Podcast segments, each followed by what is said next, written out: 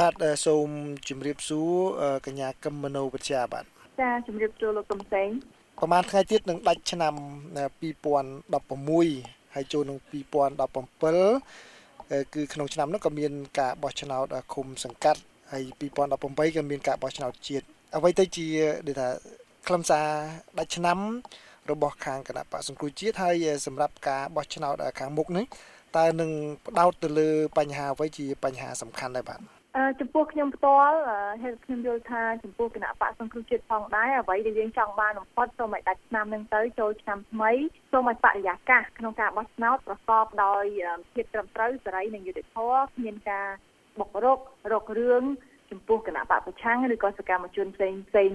មាននាទៀតទេព្រោះយើងចង់ឲ្យមានបរិយាកាសបរិយាកាសស្ងប់ស្ងាត់ហេតុអីយើងចង់ឲ្យបរិយាកាសស្ងប់ស្ងាត់ព្រោះស្ងប់ស្ងាត់ទៅបានទើបយើងគណៈបកនីមួយៗអាចធ្វើកិច្ចការយើងបាន តាមសម្រួលឧទាហរណ៍ដូចជាយើងត្រូវដល់ពេលយើងប្រកួតកម្មវិធីនយោបាយគោលនយោបាយនេះជាអ្វីទៅមុខចាប់ពីឆ្នាំឆ្នាំថ្មីទៅដែលគណៈបកសង្គ្រោះជាតិនឹងផ្ដោតលើ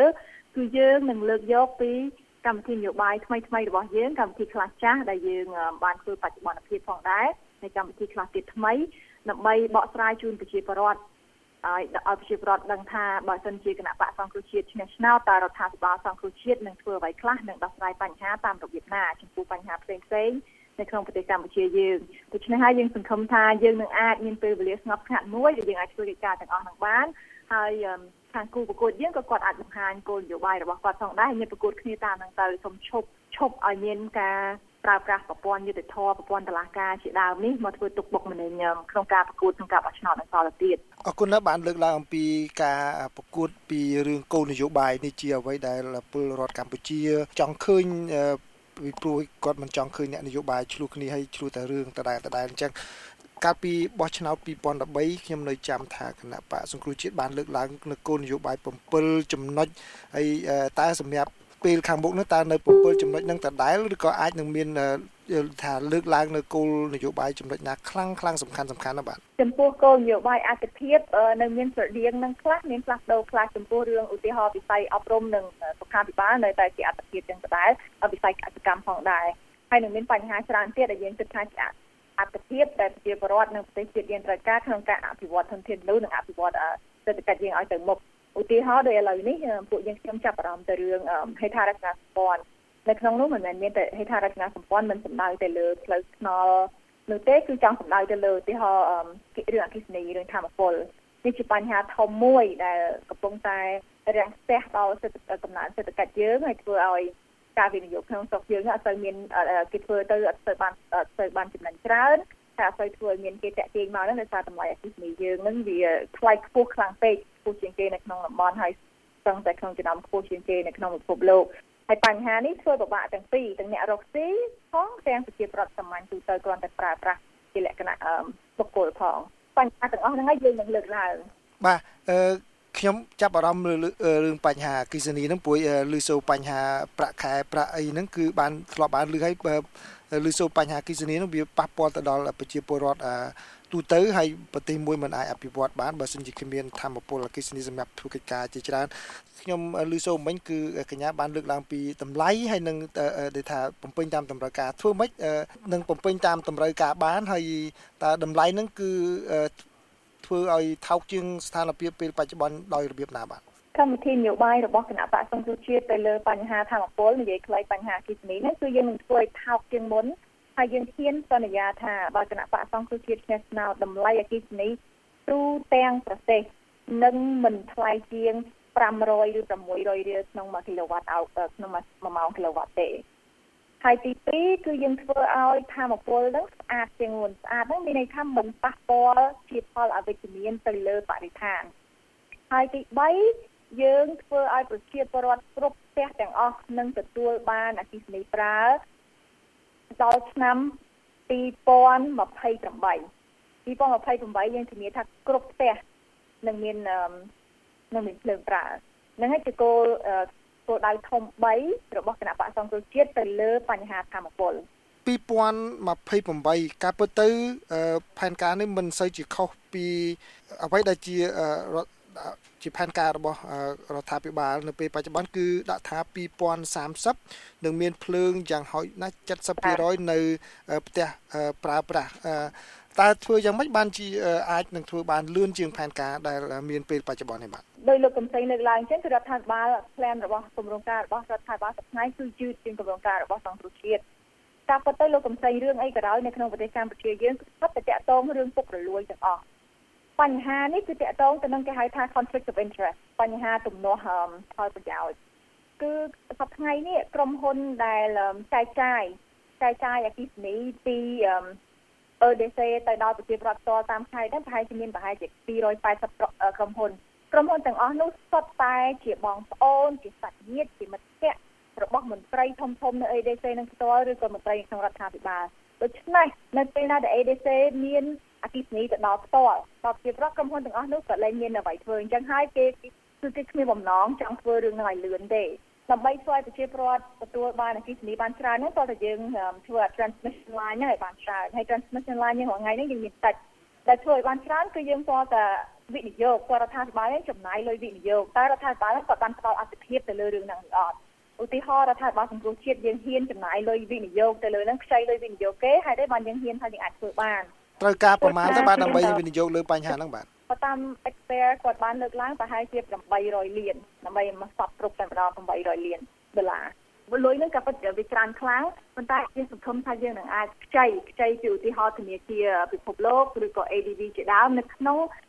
នៅក្នុងក្របខ័ណ្ឌមួយដែលគេហៅថាក្នុងកម្មវិធីកាត់បន្ថយភាពក្រីក្រមានន័យថាគេនឹងមិនយកការប្រាក់យើងទេហើយបើយកវិញតិចបំផុត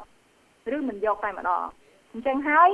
នេះជារឿងវិនិយោគមួយដែលយើងចំណេញខ្លាំងហើយយើងត្រូវតែធ្វើវិនិយោគរឿងហ្នឹងយើងយើងគួរតែខ្ចីលុយពីអង្គការ World Bank ឬក៏ ADB មកធ្វើមកវិនិយោគទៅលើ transmission line ហ្នឹង ហើយបើយើងធ្វើឲ្យបានគ្រប់ទៅយ៉ាងច្រើននឹងជាប្រតិច្រើននឹងទទួលទទួលភ្លើងបានប្រើហើយកាត់បន្ថយឈ្មួញកណ្ដាលដែលខ្ញុំលើកឡើងមិញហ្នឹងដែលគាត់និយាយទៅគាត់កោប្រជាពលរដ្ឋដូចហត់ឈាមប្រជាពលរដ្ឋទាំងស្រុងគាត់យកតម្លៃលើសពីសឹងតែពីរអស់នៃតម្លៃដែលគាត់ទិញមកស្ថានភាពពេលបច្ចុប្បន្នហើយនឹងអ្វីដែលកញ្ញាបានលើកឡើងវិញខ្ញុំចាប់អារម្មណ៍ទៅលើពាក្យថាធម្មពលស្អាត បាទធម្មពលស្អាតដែលកញ្ញាលើកឡើងហ្នឹងសំដៅទៅលើការយកធម្មពលតាមពីប្រភពណាមកវិញពីព្រោះអីពេលបច្ចុប្បន្ននៅលើនិន្នាការពិភពលោក មានការរិះគន់ខ្លាំងពីការធ្វើអកិសនីដោយប្រើ very អកិសនី very អកិសនីដែលទប់ទំនប់ទប់អីហ្នឹងបាទវាបំផ្លាញបរិស្ថានហើយកម្ពុជាកំពុងតែដូចជាជំរុញបើដូចថាផែនការនេះខ្លាំងណាស់ហើយមិនត្រឹមតែកម្ពុជាសូម្បីតែប្រទេសក្នុងតំបន់ដូចជាលាវវិញហ្នឹងក៏មានការលើកឡើងអញ្ចឹងតើដូច្នេះតើក្នុងផែនការរបស់ខាងគណៈបករបស់ខាងកញ្ញាហ្នឹងតើផ្ដោតទៅលើចំណុចណាវិញបាទចាអរគុណលោកកំសែងសប្តាហ៍ថ្ងៃនេះយើងឃើញថាសប្តាហ៍ថ្ងៃនេះប្រទេសកម្ពុជាយើងប្រើប្រាស់ប្រព័ន្ធ very អគ្គិសនីនេះគឺ40% ហើយយើងពេញប្រហែលជា20%យើងពេញអគ្គិសនីពីក្រៅហើយ35%ទៀតគឺយើងប្រើធ្យូងថ្មហើយនិង thermal plant ហើយបច្ចុប្បន្នប្រហែលជា5%គឺគេហៅប្រើថា renewable energy តែស្ដាច់ណាស់ដូចជា solar ជាដើមដូចជាការប្រើកាំរស្មីជាដើមដោយលោកកំសែងលើកឡើងអញ្ចឹងគឺថាអ្នកបច្ចេកទេសរកឃើញថាការប្រើ hydro power នឹងវារាគីសនីនឹងមានផលប៉ះពាល់អវិជ្ជមានជាច្រើនដល់កម្ពុជាដូច្នេះនៅក្នុងដំណាក់កាល គណៈបកសង្គ្រោះជាតិឆ្នះឆ្នោតរដ្ឋាភិបាលសង្គ្រោះជាតិគឺយើងនឹងមិនធ្វើវារីអគិសនីរូបរាងរូបភាពធំដុំចឹងទៀតទេ ជាពិសេសវារីអគិសនីណាដែលប៉ះពាល់ដល់បរិស្ថានដូចសប្តាហ៍ម្យ៉ាងទៀតប្រទេសយើងសប្តាហ៍នេះធ្វើច្រើនខ្លាំងពេករហូតដល់កន្លែងដែលអាចធ្វើវារីអគិសនីបានហ្នឹងធ្វើអស់ទៅហើយអស់កន្លែងដែលធ្វើផងទៀតទោះជារដ្ឋាភិបាលថ្មីចង់មកសឹងតែអស់កន្លែងធ្វើទៅហើយអញ្ចឹងយើងត្រូវរកទៅរកប្រភពអីវិញ តែយើងត្រូវធ្វើម៉េចដើម្បីយកប្រភពអគិសនីមកពីណាវិញយើងនឹងដំឡើងយើងនឹងដំឡើងសូឡារឿងអគិសនីប្រើប្រាក់យកប្រព័ន្ធអគិសនីមកពីកាមេរ៉ាស្មីកាមេរ៉ាស្មីព្រះអាទិត្យហ្នឹងឲ្យបាន15ទៅ20%នៃចំនួនអគិសនីដែលយើងប្រើប្រាស់នៅក្នុងប្រទេសកម្ពុជាហ្នឹងយើងអាចធ្វើបានហើយការធ្វើទាំងអស់ហ្នឹងអាចប្រើពេលតែប្រហែលជា2ឆ្នាំទេ អាចធ្វើបានតែសប្តាហ៍ថ្ងៃនេះមានតែក្រុមហ៊ុនមួយដែលគាត់ចាប់ផ្ដើមវិនិយោគធ្វើរឿងហ្នឹងក្រុមហ៊ុនសិង្ហបុរីមួយនៅមានក្រុមហ៊ុនមានមាន interest មានការចាប់អារម្មណ៍ច្រើនពីក្រុមហ៊ុនដទៃទៀតនៅក្រៅប្រទេសប៉ុន្តែដោយសាររដ្ឋាភិបាលយើងមិនទាន់មានសប្តាហ៍ថ្ងៃនេះមិនទាន់មានគោលនយោបាយដែលចង់ពង្រីករឿង solar energy ហ្នឹងមកឡើយបាទប៉ុន្តែធម្មពលព្រះអាទិត្យហ្នឹងគឺតម្លៃថ្លៃណាបាទចាតម្លៃថ្លៃហើយអត់គ្រប់គ្រាន់ទេដូច្នេះហើយបានជាយើងលើកឡើងថាយើងធ្វើប្រហែលជា15ទៅ20% ហើយពីនោះតើយើងធ្វើអីទៀតយើងនឹងបន្តធ្វើខ្ជុំថ្មទៀតប៉ុន្តែយើងនឹងប្រើប្រាស់ technology ថ្មីឥឡូវមាន technology ថ្មីនឹងមានហើយ technology ថ្មីនឹងនឹងធ្វើឲ្យមិនប៉ះពាល់បរិស្ថានទេសឹងតែ0តែម្ដង emission នឹងសឹងតែ0អញ្ចឹងហើយអត់ប៉ះពាល់ដល់បរិស្ថានទេសប្តាហ៍ថ្ងៃនេះក៏ពិត coal មានផលប៉ះពាល់អវិជ្ជមានជាច្រើនដល់បរិស្ថានបើយើងមិនប្រើប្រាស់ technology ថ្មីទេយើងទិញយើងត្រូវនៅតែទិញពីក្រៅអញ្ចឹងប៉ុន្តែទិញខុសពីលើកនេះខុសយ៉ាងម៉េច សប្តាហ៍ថ្ងៃនេះបន្តិចទៀតខ្ញុំចង់ត្រឡប់ទៅវិញពីនិយាយពីរឿងទិញនោះថាហេតុអីបានជាអគិសនីយើងថ្លៃហើយខ្ញុំបញ្យល់ថាហេតុអីបានជាថ្លៃនេះដោយសារទិញតម្លៃថ្លៃតែមិនត្រឹមតែអញ្ចឹងយើងនៅតែទិញពីក្រៅអញ្ចឹងទោះជារដ្ឋាភិបាលសង្គ្រោះជាតិក៏ដោយប៉ុន្តែយើងប្រហែលជានឹងទិញពីកន្លែងណាដែលថោកជាងសប្តាហ៍ថ្ងៃឧទាហរណ៍មានកន្លែងគេហៅថា high voltage interconnection នៅម្ដុំអឺទន្លេមេគង្គយើងហ្នឹងគេហៅថា Greater Mekong Sub Region យើងហ្នឹងហើយបើយើងទិញពីកន្លែងហ្នឹងវាថោក ហើយយើង plug in មកស្រុកយើងមកវាថោកហើយវាអត់ប៉ះពាល់និយាយទៅអ្វីដែលយើងទិញគឺអត់ប៉ះពាល់ដល់បរិស្ថានយើងមិនអញ្ចឹងណាព្រោះអ្វីជាយើងរឿងយើងទិញអញ្ចឹងបានន័យថាកិច្ចព្រមព្រៀងកិច្ចបាទបានន័យថាកិច្ចព្រមព្រៀងពីពេលបច្ចុប្បន្ននេះអាចនឹងសាររើឡើងវិញដែលយល់ព្រមទិញពីប្រទេសជិតខាងមួយចំនួនដែលកញ្ញាយល់ថាមានតម្លៃថ្លៃនឹងបាទដាច់ខាតយើងត្រូវតែស្ទើររើឡើងវិញទៅលើកិច្ចសន្យាទិញអគិសនីសប្តាហ៍នេះទាំងនៅក្នុងប្រទេសទាំងនៅក្រៅប្រទេសជាពិសេសនៅក្នុងប្រទេសសប្តាហ៍ខ្ញុំចង់បញ្ជាក់ថា ហេតុអ្វីបានជាតម្លៃអគិសនីនៅស្រុកយើងថ្លៃខ្លាំងបំផុតនៅក្នុងតំបន់ដោយសារតែទី1គឺយើងទិញតម្លៃថ្លៃពេក EDC គាត់ទិញហ្នឹងថ្លៃហួសហេតុហើយថ្លៃហ្នឹងហើយបានថ្លៃគឺរឿងពាក់ព័ន្ធទៅនឹងរឿងពុករលួយរឿងបពុនិយមនឹងឯងព្រោះព្រោះក្រុមហ៊ុនដែលលក់អគិសនីទាំងអស់ហ្នឹងជាពិសេសក្រុមហ៊ុនក្នុងប្រទេសហ្នឹងគឺសុទ្ធតែក្រុមហ៊ុនបពុបងប្អូនរបស់អ្នកមានអំណាចហើយនឹងអ្នកធ្វើការតែអ្នកមានអំណាចសប្តាហ៍ហ្នឹងអញ្ចឹងហើយគឺអត់មានការ ទិញការដេញថ្លៃដោយតម្លាភាពទេអញ្ចឹងទី1ដើម្បីឲ្យធ្វើតម្លៃអគិសនីថោកគណៈបកសង្គ្រោះជាតិនឹងធ្វើឲ្យមានការដេញតម្លៃដោយតម្លាភាពនៅពេលដែលយើងទិញអគិសនីទី2យើងនឹងលែងឲ្យមានយុទ្ធៈយុទ្ធៈអឺយុទ្ធៈអ្នកប្រើសប្តាហ៍អ្នកប្រើក៏ប្រើបងលុយតាក់ដែរចំពោះស្លាយអគិសនីដែលប្រើហ្នឹងអត់មានតែមានទេស្រុកទៀតច្រើនគេមិនដែលឲ្យគេមិនដែលឲ្យប្រជាប្រដ្ឋបង់តាក់ទៅលើការប្រើអគិសតម្លៃអគិសនីទេ អញ្ចឹងយើងលុបអានឹងចោលលុបតាក់នឹងចោលហើយយើងនឹងបន្ថយតាក់ទៅលើការនាំចូលបន្ថយពុនណាតាក់ទៅលើពុនទៅលើចាពុនសំទោសពុនទៅលើការនាំចូលអគិសនីយើងបន្ថយពុននាំចូលហើយយើងលុបបំបត្តិចោលតែម្ដងទៅលើពុនដែលជាប្រត្រូវបងទៅលើតាក់ទីទី2ហើយនេះបានថ្លៃទៀតសប្តាហ៍ថ្ងៃហ្នឹងគឺមានក្រុមហ៊ុនឯកជនគាត់ជាអ្នកអូនគាត់ជាអ្នកជាម្ចាស់ transmission line ហ្នឹងគឺសំដៅទៅលើអឺខ្សែអឺ បង្គោលសម្រាប់បញ្ជូនតង់ចុងខ្ពស់ហើយ EDC ហ្នឹងគាត់ជួលអាសេវាហ្នឹងពីក្រុមហ៊ុនទាំងអស់ហ្នឹងប៉ុន្តែដោយសារក្រុមហ៊ុនហ្នឹងក្រុមហ៊ុនហ្នឹងភាគច្រើនជារបស់មធ្យៈជារបស់អឺជារបស់ក្រុមក្រុមគ្រួសារបងប្អូនរបស់ពួកគាត់ហ្នឹងគាត់ជួលទៅលើតម្លៃមួយថ្លៃជាងគេនៅលើពិភពលោក3ដងនៃតម្លៃធម្មតាសប្តាហ៍ថ្ងៃនេះនៅតាមខេត្តបងប្អូនដឹងហើយគឺតម្លៃតាមខេត្តហ្នឹងថ្លៃកប់ពពកជាងគេថ្លៃជាងយើងរស់នៅក្នុង ទីក្រុងដូចជាភ្នំពេញជាដើមយើងទៅធូរថ្លៃជាងទៅហេតុអីមកពីអ្នកទិញអ្នកលក់ចាយចាយលក់បន្ត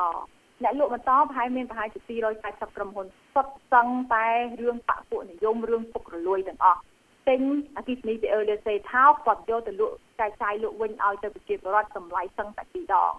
ហើយដូចសឹងសឹងតែថាគាត់ធ្វើនំគ្មានម្សៅអញ្ចឹងដូច្នេះហើយរដ្ឋត្រូវតែវិនិយោគទៅលើ transmission line ហ្នឹងដើម្បីកុំឲ្យពួកគាត់ដែលក្រុមហ៊ុនគាត់ដែលគាត់ចាយចាយបន្តគាត់មានលេស កោឡើងពីរដងទៅលើប្រជាពលរដ្ឋអញ្ចឹងទៀតបាទសូមអរគុណកញ្ញាកឹមមនោវិទ្យាដែលបានចែករំលែកនៅផែនការ